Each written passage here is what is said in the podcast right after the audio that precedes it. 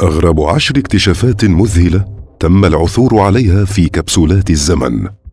ما لم يكن فيلم عن السفر عبر الزمن أو رواية خيالية سيبدو من المستحيل للناس من الماضي أن تتحدث معنا. ولكن كبسولات الوقت قادرة على إحضار فترة زمنية معينة إلى الحياة. هذه الكنوز المخفية تعطينا لمحة رائعة عن كيفية شكل الحياة في الماضي. لذلك اليوم سنتعرف على أكثر عشرة اكتشافات مذهلة تم العثور عليها في كبسولات زمنية. اولا كبسولة الزمن الخاصة بستيف جوبز. هذه ليست أقدم كبسولة في القائمة ولكنها أكثرهم شهرة بسبب اسمها.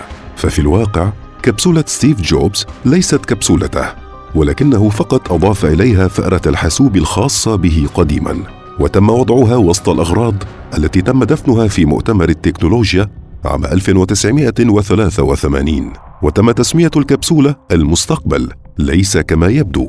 يبدو أن من سموها كانوا على حق لأنه عندما حان وقت العثور عليها وبدأوا في الحفر لإخراجها لم يعثروا عليها.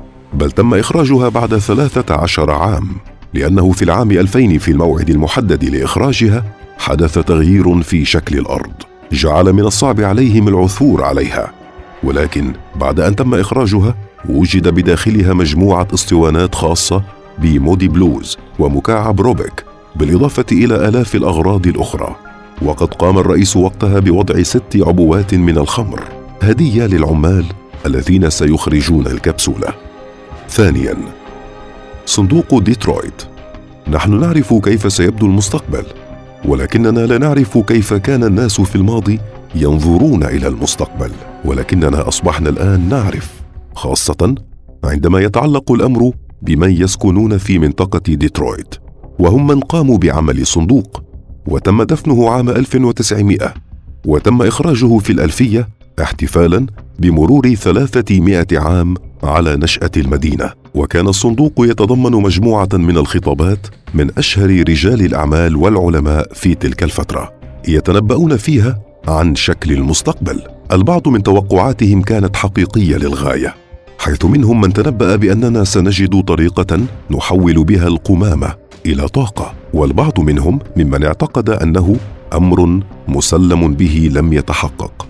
مثلا هناك من توقع أن الأمر مسألة وقت. قبل أن تصبح كندا جزءا من أمريكا.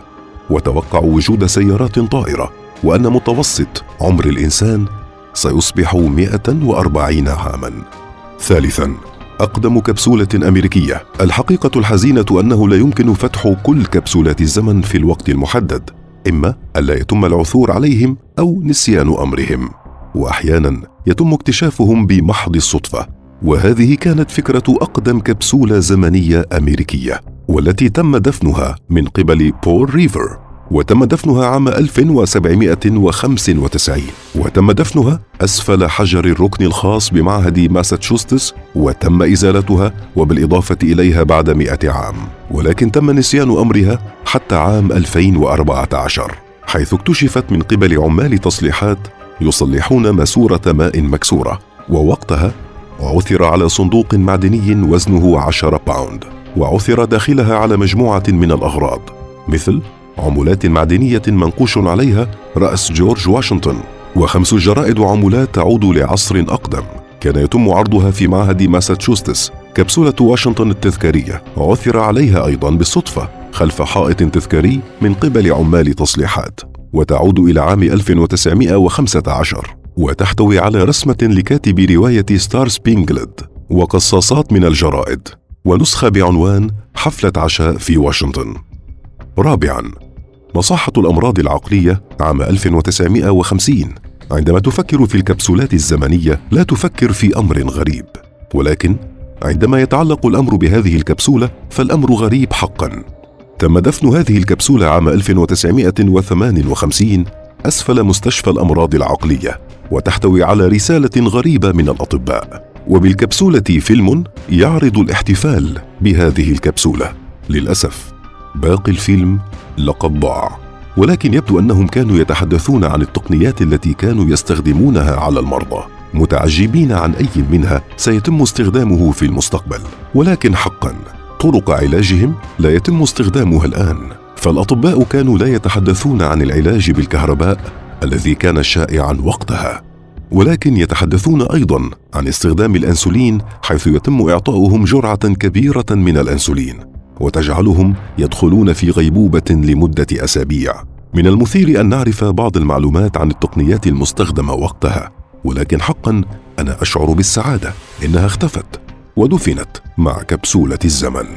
خامسا كبسولة إكسبو 70 عام 1968 قامت شركتين يابانيتين وهما باناسونيك وجريدة ماينشي حيث عرضوا مؤتمر عالم اليابان عام 1970 وفي النهاية قرروا دفن كبسولتي زمن كل منها تحتوي على 2098 غرض منها أغراض مسجلة تمثل الحضارة اليابانية واستغرق الأمر ثلاث سنوات لعمل هذه الكبسولة وتم وضع الكبسولتين أمام قلعة أوساكا وهما متطابقتين في كل شيء عدا اليوم الذي سيتم إخراجهم الكبسولة العلوية تم فتحها أولا عام 2000 وسيتم فتحها كل مئة عام بعد ذلك. إلا أن الكبسولة السفلية ستظل تحت الأرض لمدة خمسة آلاف عام بعد أن تم دفنها وكل منهم تمثل الحياة اليابانية في فترة السبعينيات. والأغراض بداخلها تتنوع بين أغراض فنية ورسومات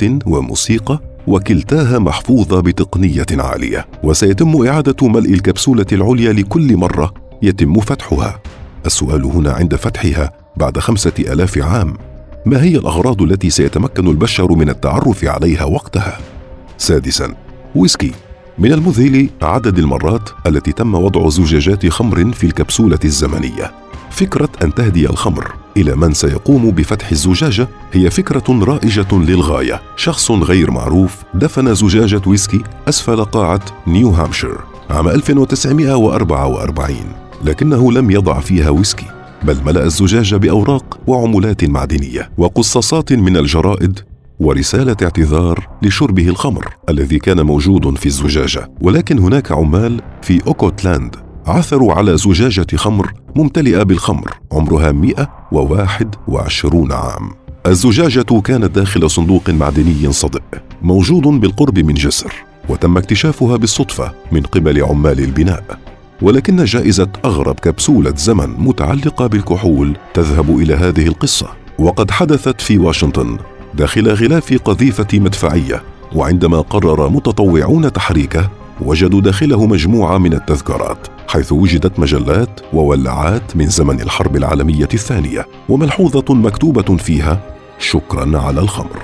سابعا كبسولة ويستينغ هاوس كبسولة أخرى لم يكن فتحها لمدة خمسة آلاف عام وهي كبسولة ويستينغ هاوس سميت بالإرادة الخالدة وتم دفنها عام 1938 في موقع المعرض العالمي بنيويورك في عام 1936 وطلب أن يتم فتحها عام 6939 المثير في الأمر أنه بعد مئة عام فإن الكثير من أغراضها أصبح بلا قيمة. فتخيل بعد ستة ألاف عام الكبسولة بها مئة غرض والكثير منهم تم استبداله بأغراض أخرى مثل بودرة غسيل الأسنان والتي تم استبدالها بمعجون الأسنان ولكن تم وضع أغراض أخرى خطيرة مثل هذا السلاح. وهناك أغراض أخرى ساحرة للغاية تجعلك تتمنى كما لو كانت موجودة حاليا. مجسم سيارة الموجود داخل الكبسولة مميز حقا فهي يدوية الصنع ومميزة للغاية حتى إنها أفضل من النماذج التي تعمل حاليا بالريموت كنترول. ثامنا أقدم رسالة في زجاجة. تم العثور عليها بالطبع هذا النوع من التواصل أصبح بلا قيمة بسبب وجود وسائل التواصل المختلفة ولكن الرسائل في الزجاجات هي أمر حقيقي جدا في الماضي والكثير من الزجاجات التي كانت موجودة في الماضي إما تحطمت أو ضاعت ولكن من وقت لآخر تظهر الزجاجات بصورة ما على الشاطئ وتكون بحالة جيدة حيث الزجاجة ظهرت على شاطئ أستراليا واتضح أن عمرها 132 عام وهو ما يجعلها أقدم رسالة داخل زجاجة في العالم وهي جزء من تجربة ألمانية وهو ما يعني أنه ربما يكون هناك الكثير من الماء. تاسعا شفرة الحضارة بالطبع إن اسمها هو من أكثرهم إثارة ولكنها أيضا تمتلك قصة مثيرة للغاية. تم وضعها عام 1939 بعد 6177 سنة من أول سنة تم وضعها في التاريخ. عندما بدأ التقويم المصري مع عام 4141 منشئها هو البروفيسور ثورنويل جاكوب وقد طلب أن لا يتم فتحها إلا عام 8313 هي عبارة عن غرفة تحتوي على أغراض متعددة ومن ضمنها مايكروفيلم من 640 ألف صفحة ويوجد بها محرك للطاقة من الرياح. وقارئ مايكروفيلم آلة يمكنها تعليم أي شخص اللغة الإنجليزية حيث يمكنها التعرف على كل الأصوات من ستالين إلى البحار بوبي ولكن هناك أشياء غريبة وغير منطقية. فمثلا أنا لا أثق أن الناس سيرتعبون من مجسمي الملكيان الموضوعين على مدخل الغرفة. عاشرا. أوبرا باريس شهيرة بالفعل بوجود أشباح بها ولكن بها شيء آخر قديم مدفون في القبو. عام 1907 تجمع مجموعة من الرجال وبدأوا في العمل على كبسولة الزمن الخاصة بهم. انتهوا من إعدادها عام 1912 ووضعوا بها مجموعة من الأغراض وجراموفون ولأنهم كانوا يعلمون أن التكنولوجيا سوف تتغير عند فتحها عام 2012 وضعوا ورقة تعليمات لكيفية تشغيل الجراموفون وكان يوجد بها مجموعة من الأسطوانات والتي يمكن شراؤها الآن على هيئة أقراص مدمجة. هؤلاء الرجال وهم موسيقيون ليسوا الوحيدون الذين فعلوا هذا الأمر. ففي عام 1957 قام رئيس ام اي تي ومجموعة من العلماء في بناء كبسولة خاصة بهم وأكدوا أن لا يتم فتحها إلا عام 2957 للأسف عثر عليها عام 2015 ولكن رئيس المعهد العالي قرر أن يحترم رغباتهم وتركها كما هي وكانت تحتوي على عملات معدنية وخطابات لعلماء ووعاء صغير من البانسلين وتم تعبئة الكبسولة بغاز الأرغون وهو ما يضمن أن الأغراض ستظل بحالة جيدة ولا تتلف.